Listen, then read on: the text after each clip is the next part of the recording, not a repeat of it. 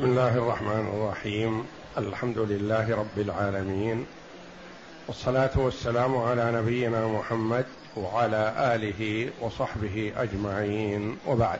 بسم الله أعوذ بالله من الشيطان الرجيم. بسم الله الرحمن الرحيم. إذ قال الله يا عيسى إني متوفيك ورافعك إلي ومطهرك من الذين كفروا وجاعل الذين اتبعوك فوق الذين كفروا إلى يوم إلى يوم القيامة ثم إلي مرجعهم فأحكم بينهم ثم ثم إلي مرجعكم فأحكم بينكم فيما كنتم فيه تختلفون. فأما الذين كفروا فأعذبهم عذابا شديدا في الدنيا والآخرة وما لهم من ناصرين. وأما الذين آمنوا وعملوا الصالحات فيوفيهم أجورهم والله لا يحب الظالمين. ذلك نتلوه عليك من الآيات والذكر الحكيم. هذه الآيات الكريمة من سورة آل عمران جاءت بعد قوله جل وعلا ربنا آمنا بما أنزلت واتبعنا الرسول فاكتبنا مع الشاهدين. ومكروا ومكر الله والله خير الماكرين. إذ قال الله يا عيسى إني متوفيك ورافعك إلي. إذ قال الله اذكر يا محمد. إذ قال الله يا عيسى إني متوفيك ورافعك إلي. هل الوفاة قبل الرفع أم بعده؟ اقوال للعلماء رحمهم الله. من العلماء من قال إني متوفيك ورافعك إلي. يعني رافعك إلي وبعد الرفع ستكون الوفاة. والواو لا تقتضي ترتيبا إني متوفيك ورافعك إلي. فتكون الوفاة بعد الرفع. متوفيك ولا شك أن عيسى عليه السلام سيموت في آخر الزمان بعدما ينزل من السماء ويحكم بشريعة محمد صلى الله عليه وسلم ثم يتوفاه الله. والواو لا تقتضي الترتيب. تقول جاء زيد وجاء عمرو. ويحتمل أن عمرو هو الذي جاء أول. ما ينافي. بخلاف ما إذا قلت جاء زيد ثم جاء عمرو أو جاء زيد فجاء عمرو فالعطف في الفاء يقتضي الترتيب. والعطف بثم يقتضي الترتيب والتراخي. والعطف بالواو لا يقتضي الترتيب ولا تراخي. ويكون المراد بالوفاة هنا الموت الحقيقي الذي سيموته عيسى. والرفع إلى السماء. وهذا فيه إثبات صفة العلو لله جل وعلا. خلافا لمن نفى ذلك من المبتدعة الضلال. إني متوفيك ورافعك إلي. ومن العلماء رحمهم الله من قال متوفيك يعني منيمك. تنام وترفع.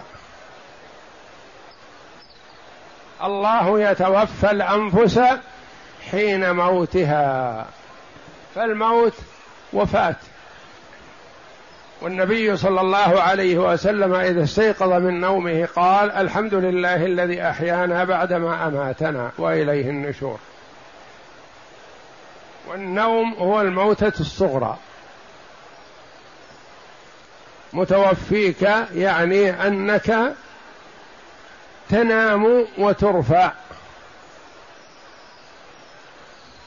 وقيل الوفاة الوفاة الحقيقية الموت. وذلك أن عيسى أميت ثلاث ساعات. ورفع وعادت إليه حياته.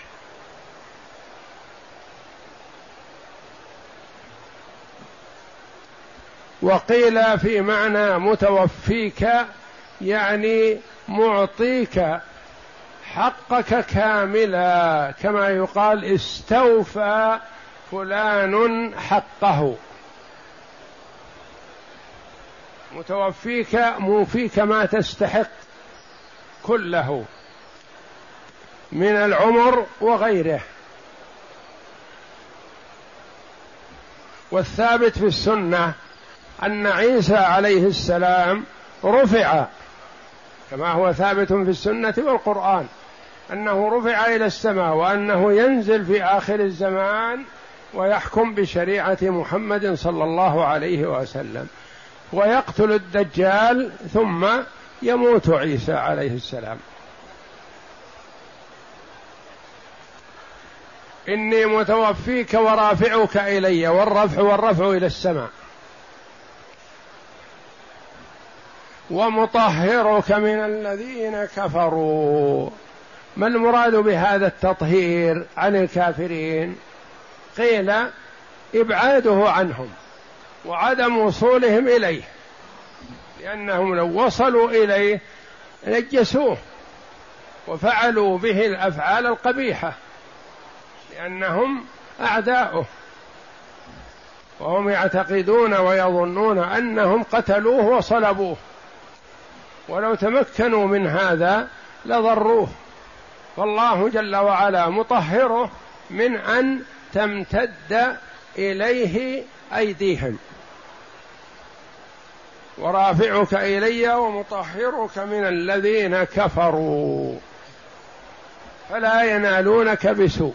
ذلك لأنه لما حاصروه رفعه الله جل وعلا إلى السماء. وجاعل الذين اتبعوك فوق الذين كفروا إلى يوم القيامة. الذين اتبعوا عيسى النصارى والحواريون والذين كفروا به هم اليهود. فأخبر جل وعلا أن من اتبع عيسى له الرفعة وله التأييد.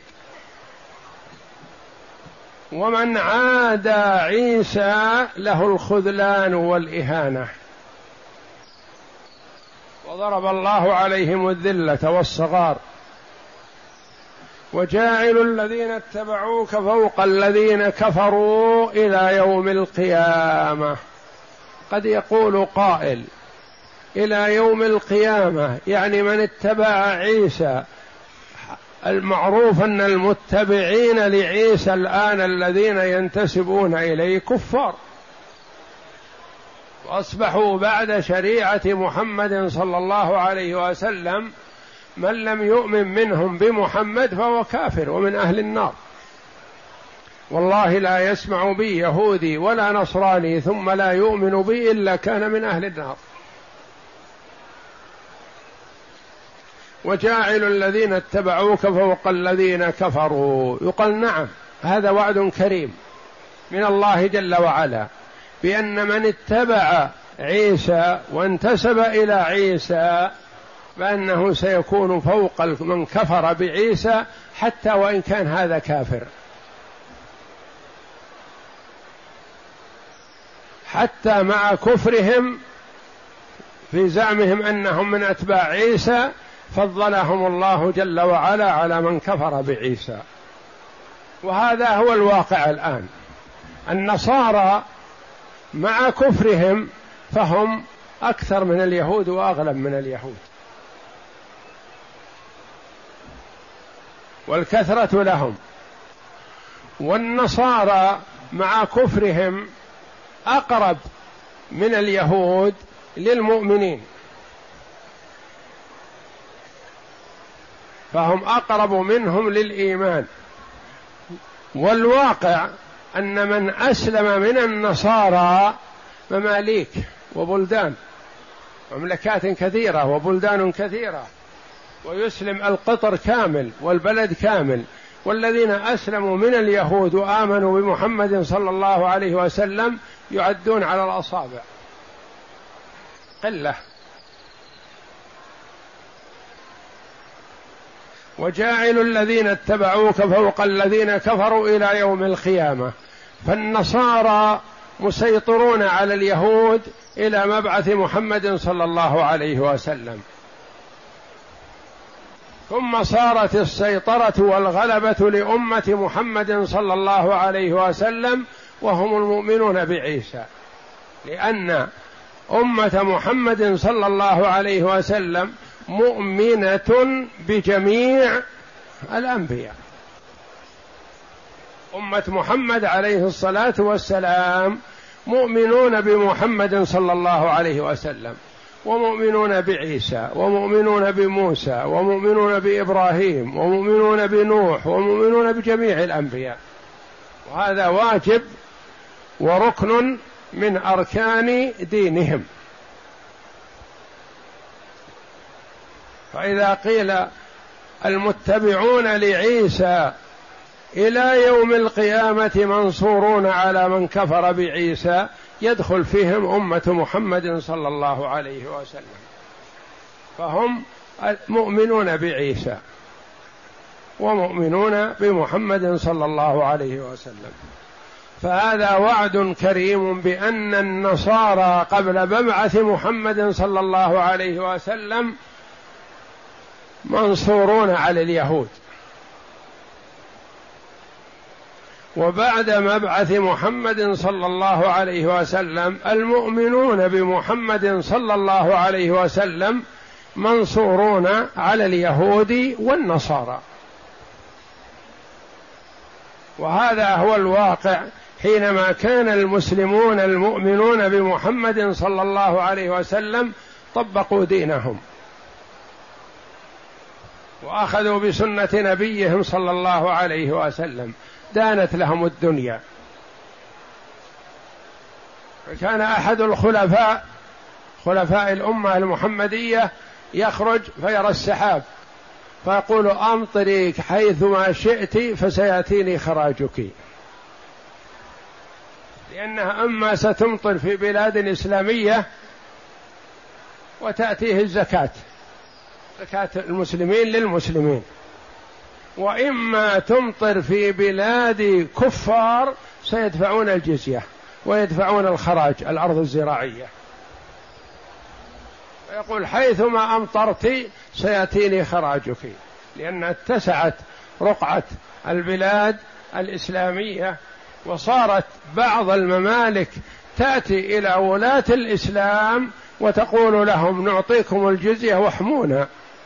من عدونا. ويذعنون ويدفعون الجزية للمسلمين لأنهم رأوا العدل والأمانة والصدق والمساواة في الإسلام لا يجدونها عند غيرهم. ومن الناس من أسلم بمخالطة المسلمين ومعرفة أخلاقهم وصدقهم وأمانتهم بدون دعوة. يتعجبون من الأمانة والصدق والإخلاص وعدم الغش. يقولون ما هذا؟ يعني تتمكنون من أن تغشونا من أن تغلبونا من أن تخدعونا؟ ما تفعلون. يقولون لا ما نفعل لأن ديننا يأمرنا بالعدل والصدق والأمانة والإخلاص وينهانا عن الغش والخيانة والكذب. فيقولون هذا دين حسن. ماذا يفعل من أراد أن يدخل فيه؟ فيدلونهم وهم تجار ما كانوا دعاة. لكن دعوا إلى الإسلام بأخلاقهم. فلما كان المسلمون في العهد في الصدر الأول مطبقون لتعاليم الإسلام كانوا سادة العالم. وكانت الجهات البعيدة والقريبة تذعن لهم. منهم من دخل في الإسلام ومنهم من اذعن ودفع الجزية.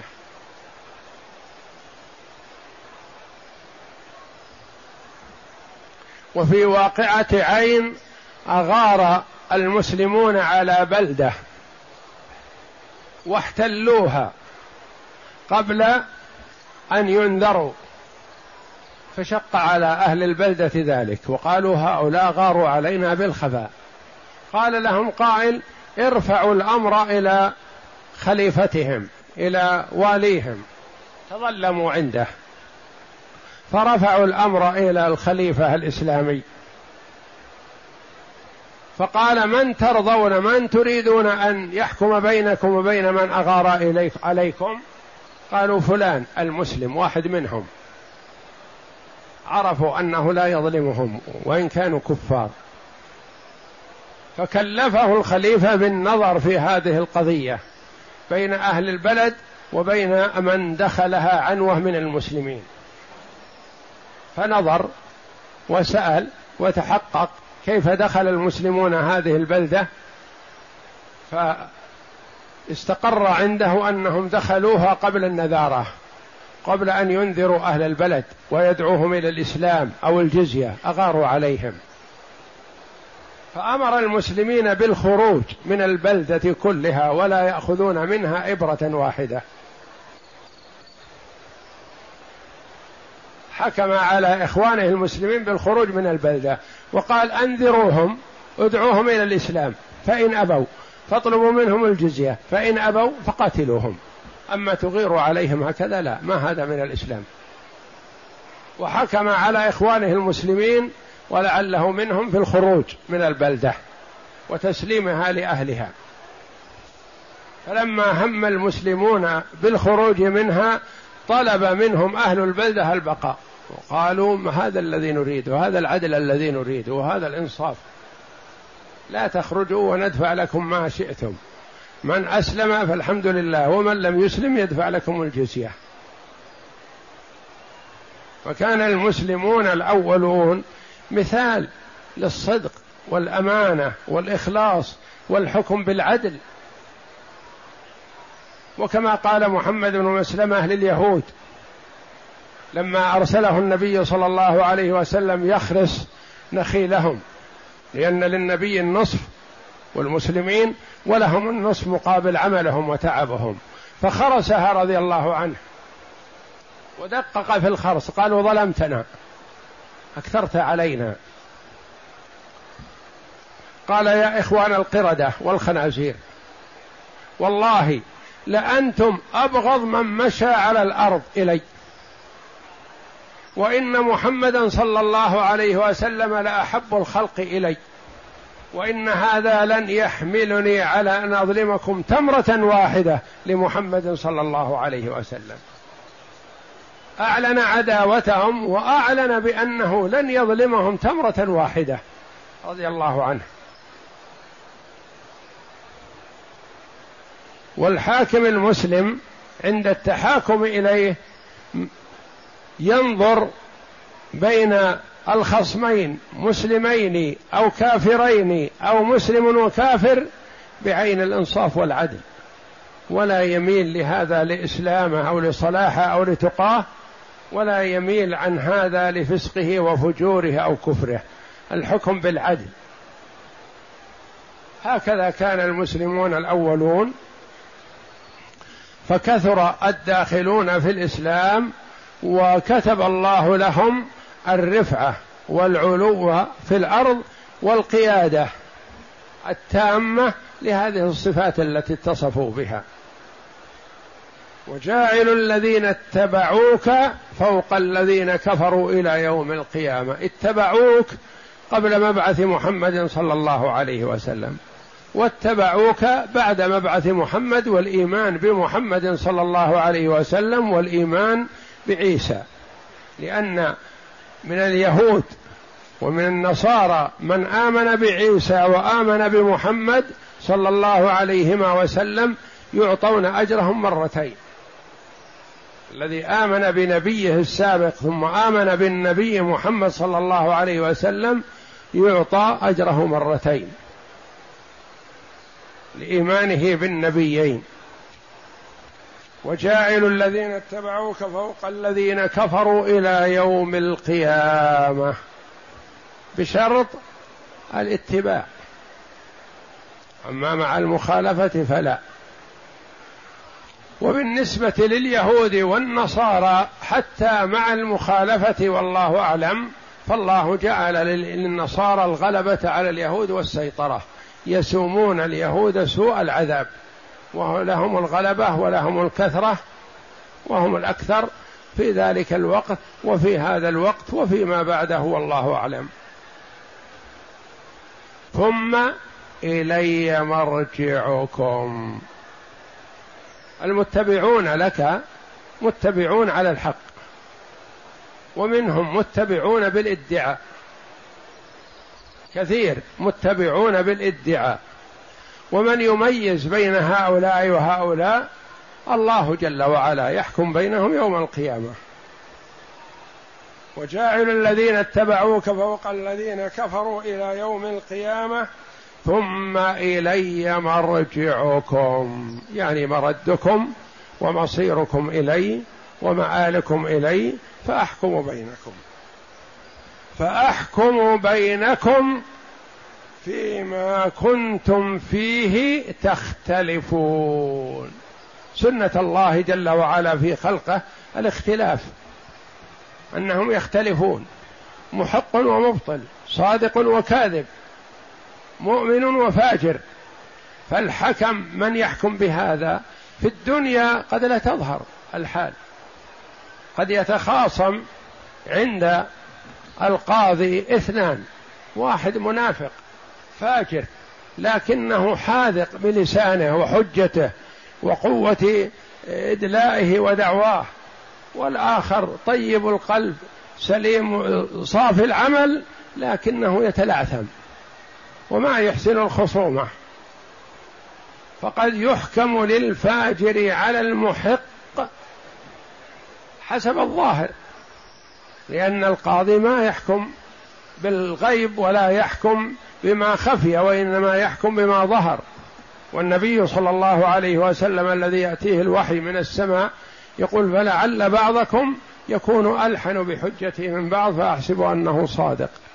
فمن قضيت له بحق أخيه فلا يأخذه فإنما هي قطعة من نار فليأخذها أو ليدعها.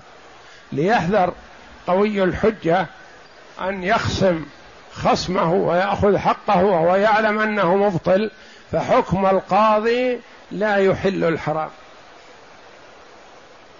ما كان لا يحل لك وأنت تعلم لو حكم لك به القاضي فلا يحل لك أن تأخذه. وأما يوم القيامة فالحكم على الحقائق لأن الله يعلم خائنة الأعين وما تخفي الصدور. يعلم الصادق والكاذب يعلم المحق من المبطل يعلم المخاصم بالفجور والكذب والمخاصم بالحق. ثم إلي مرجعكم فأحكم بينكم فيما كنتم فيه تختلفون. ثم بين جل وعلا نتيجة هذا الحكم فقال فأما الذين كفروا فأعذبهم عذابا شديدا في الدنيا والآخرة وما لهم من ناصرين. أما من كفر وظلم وحاد عن الصراط المستقيم فالله جل وعلا يتولاه ويعذبه في الدنيا بما شاء. قد يكون معذب في الدنيا وهو عنده الأموال الطائلة والجاه والولد ونحو ذلك ويكون هذا المال عذاب له. وصرف له عن طاعة الله جل وعلا فيكون نقمة في حقه. فالله يعطي الدنيا من يحب ومن لا يحب ولا يعطي العلم إلا من أحبه. فأما الذين كفروا فأعذبهم عذابا شديدا في الدنيا والآخرة. قد يقول قائل الملاحظ أن الكفار في الدنيا في نعيم. المال والجاه والعمل والمنصب ونحو ذلك. يقول ومع هذا كله قد يكون معذب القلب والعياذ بالله. ما عنده طمأنينة وما عنده استقرار وما عنده راحة بال يلهث. عنده الأموال الطائلة ويلهث يريد زيادة. ولن يأكل عشر معشار ما عنده. لكن طمع وشقى ويشق على نفسه في جميع الأوقات ليكسب المال من حلال وحرام ولن يأكل شيئا ولو يسيرا مما عنده. فأما الذين كفروا فأعذبهم عذابا شديدا في الدنيا والآخرة وما لهم في وما لهم من ناصرين. يعني ما يستطيع أحد أن ينصرهم. وذلك في الآخرة. أما في الدنيا فقد يجد المرء من ينصره على الباطل وقد يجد من يحميه وقد يجد من يدافع عنه وقد يجد من يشفع له. وهذا في الدنيا وأما في الآخرة فلا. وأما الذين آمنوا وعملوا الصالحات الإيمان قول وعمل واعتقاد وعمل الصالحات عمل الجوارح. فيقول العلماء رحم العلماء رحمهم الله الإيمان والعمل الصالح إذا ذكرا معا افترقا. وإذا ذكر أحدهما شمل الآخر. إذا ذكرا معا اختلفا. وإذا اختلفا وافترقا اتفقا. مثل الإسلام والإيمان ومثل الفقير والمسكين. إذا قيل الفقير والمسكين إنما الصدقات للفقراء والمساكين. عرفنا عرفنا أن الفقراء صنف والمساكين صنف آخر. وقيل وإذا قيل أعط هذا مسكين أعطاه مسكين أو أعطاه فقير كل واحد. إطعام عشرة مساكين أو عشرة فقراء كل واحد. فإذا ذكر الإيمان وحده شمل العمل الصالح. الإيمان قول وعمل واعتقاد. وإذا ذكر العمل وحده فلا ينفع إلا بإيمان. وإذا ذكر الإيمان والعمل معا فيراد بالإيمان عمل القلب. ويراد بالأعمال عمل الجوارح. وأما الذين آمنوا وعملوا الصالحات فيوفيهم أجورهم يعطيهم أجورهم وافية غير منقوصة. وهذا واحد من التفسير إني متوفيك يعني معطيك حقك كاملا من العمر وغيره. فيوفيهم أجورهم والله يحب الظالمين. فيثبت لله جل وعلا المحبة للمتقين وعدم محبته للظالمين على ما يليق بجلاله وعظمته. ثم قال جل وعلا ذلك نتلوه عليك من الآيات والذكر الحكيم. هذا الذي نتلو عليك يا محمد ليس قصص. قصص حكايات يعني منها الواقع ومنها غير الواقع لا. هذا من الآيات والذكر الذي يكون فيه اتعاظ وفيه عبرة لمن وفقه الله جل وعلا. الحكيم المحكم الذي لا يدخله نقص ولا عيب. ولا زيادة بل هو كلام حق صدق واقع. فليس كقصص الناس مثلا يكون فيها زيادة وفيها تحسينات وفيها آه، تزوير وتجميل مثلا للشيء لا هذا كلام حق لا زيادة فيه ولا نقص بل هو الواقع. نحن نقص عليك أحسن القصص بما أوحينا إليك هذا القرآن. اختلف المفسرون رحمهم الله في قوله تعالى إني متوفيك ورافعك إلي. قال قتادة هذا من المقدم والمؤخر.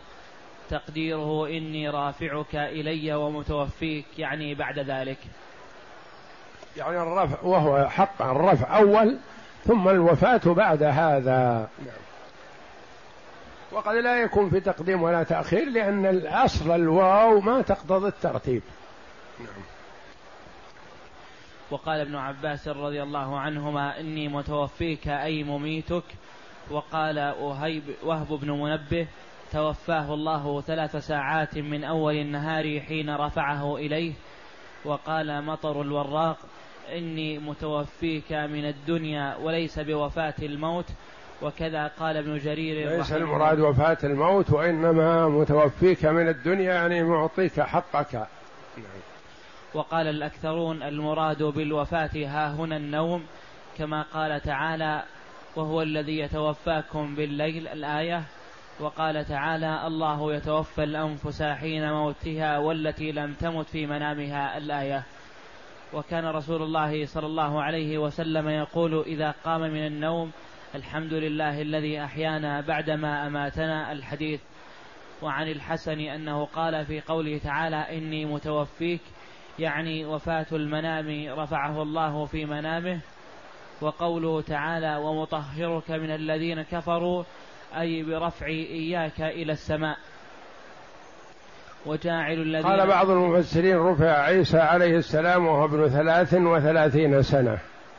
وقال بعض المحققين رحمهم الله لم يثبت في عمر عيسى حين الرفع شيء صحيح.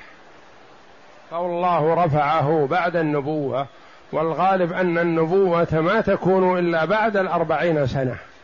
سن الأنبياء كلها بعد الكمال بعد أربعين سنة. نعم. وجاعل الذين اتبعوك فوق الذين كفروا إلى يوم القيامة وهكذا وقع فإن المسيح عليه السلام لما رفعه الله إلى السماء تفرقت أصحابه شيعا بعده فمنهم من آمن بما بعثه الله به على أنه عبد الله ورسوله وابن أمته ومنهم من غلا فيه فجعله ابن الله وآخرون قالوا هو الله وآخرون قالوا هو ثالث ثلاثة وقد حكى الله مقالتهم في القرآن الكريم ورد على يعني الكفار فيه أنواع والمؤمنون به نوع واحد. المؤمنون بعيسى الذين قالوا هو روح الله وكلمته ألقاها إلى مريم فهو روح من الأرواح التي خلقها الله جل وعلا كلمته ألقاها إلى مريم وروح منه وهو عبد الله ورسوله فهو عبد لا يعبد ورسول لا يكذب. وقد حكى الله مقالتهم في القرآن الكريم ورد على كل فريق منهم فاستمروا على ذلك قريبا من ثلاثمائة سنة. وقد نبغ لهم ملك من ملوك اليونان يقال له قسطنطين فدخل في دين النصرانية قيل حيلة ليفسده فإنه كان فيلسوفا. وقيل جهلا منه إلا أنه بدل لهم دين المسيح وحرفه وزاد فيه ونقص منه ووضعت له القوانين والأمانة الكبرى التي هي الخيانة الحقيرة. وأحل في زمانه له لحم الخنزير وصلوا إلى له إلى المشرق وصوروا له الكنائس والمعابد والصوامع. وزاد في صيامهم عشرة أيام من أجل ذنب ارتكبه فيما يزعمون وصار دين المسيح دين قسطنطين إلا أنه بنى لهم من الكنائس والمعابد والصوامع والديارات. فكان صيامهم زادوا فيه أربع عشرة أيام. ثم زادوا فيه ثم نقلوه من وقته في الحر إلى وقت الربيع ليكون أبرد وألطف فتلاعبوا في عبادتهم. ولذا حذرنا النبي صلى الله عليه وسلم من أن ندخل في صيامنا ما ليس منه. من صام اليوم الذي يشك فيه فقد عصى أبا القاسم صلى الله عليه وسلم. وقال لا تقدموا رمضان بصوم يوم أو يومين إلا رجل كان يصوم صوما فليصمه. وحرم علينا صيام يوم عيد الفطر لئلا ندخل في الصيام زيادة ولا نقص. فمثلا يوم غد وبعد غد مثلا يوم تسع وعشرين ويوم ثلاثين ما يجوز للمرء أن يصومهما؟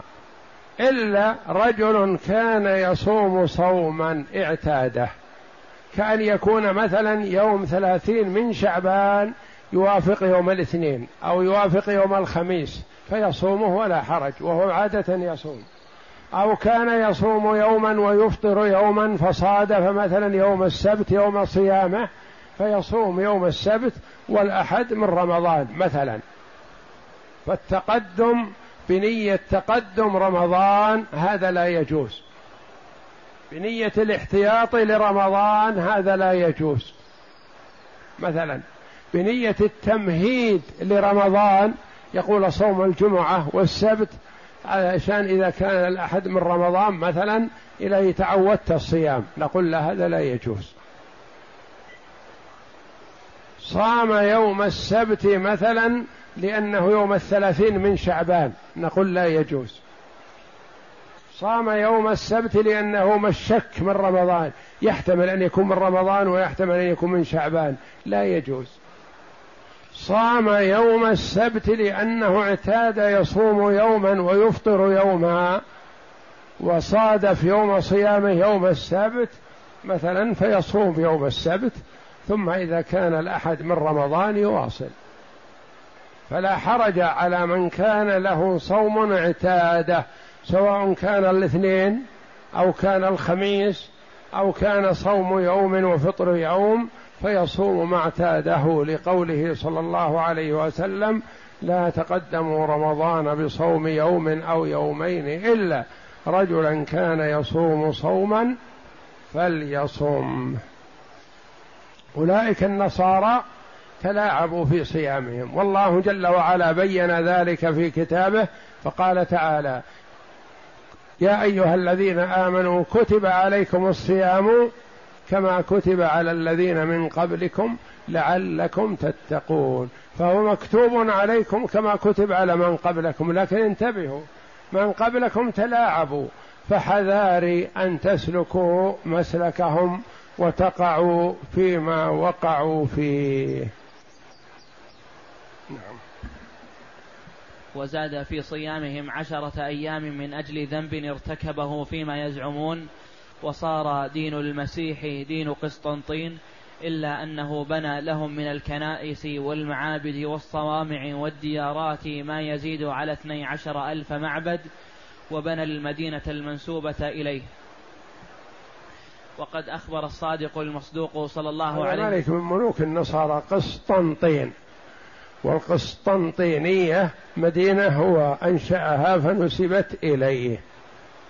وقد أخبر الصادق المصدوق صلى الله عليه وسلم أمته بأن آخرهم سيفتحون القسطنطينية وسيتفيئون ما فيها من الأموال ويقتلون الروم مقتلة عظيمة جدا لم يرى الناس مثلها ولا يرون بعدها نظيرها.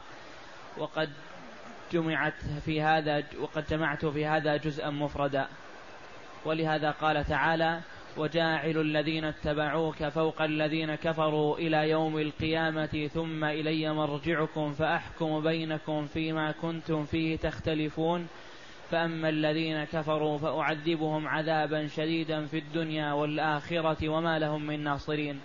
وكذلك فعل بمن كفر بالمسيح من اليهود أو غلا فيه أو أطراه من النصارى. عذبهم الله في الدنيا بالقتل والسبي واخذ الأموال وإزالة الأيدي عن الممالك وفي, وفي الدار الآخرة عذابهم أشد وأشق. وما لهم من الله من واق. فأما الذين آمنوا وعملوا الصالحات فيوفيهم أجورهم أي في الدنيا والآخرة. فيوفيهم أو فنوفيهم. قراءتان سبعيتان بالياء والنون. فيوفيهم أجورهم أو فنوفيهم. قراءتان نعم. في الدنيا بالنصر والظفر وفي الآخرة بالجنات العاليات. والله لا يحب الظالمين. ثم قال تعالى ذلك نتلوه عليك من الآيات والذكر الحكيم. أي هذا الذي قصصنا عليك يا محمد في أمر عيسى عليه السلام ومبدأ ميلاد ميلاده وكيف أمره. وهو مما قاله تعالى وأوحاه إليك. ونزله عليك من اللوح المحفوظ فلا مرية فيه ولا شك كما قال تعالى في سورة مريم ذلك عيسى ابن مريم قول الحق الذي فيه يمترون ما كان لله أن يتخذ من ولد سبحانه إذا قضى أمرا فإنما يقول له كن فيكون. والله أعلم وصلى الله وسلم وبارك على عبده ورسول نبينا محمد وعلى آله وصحبه أجمعين.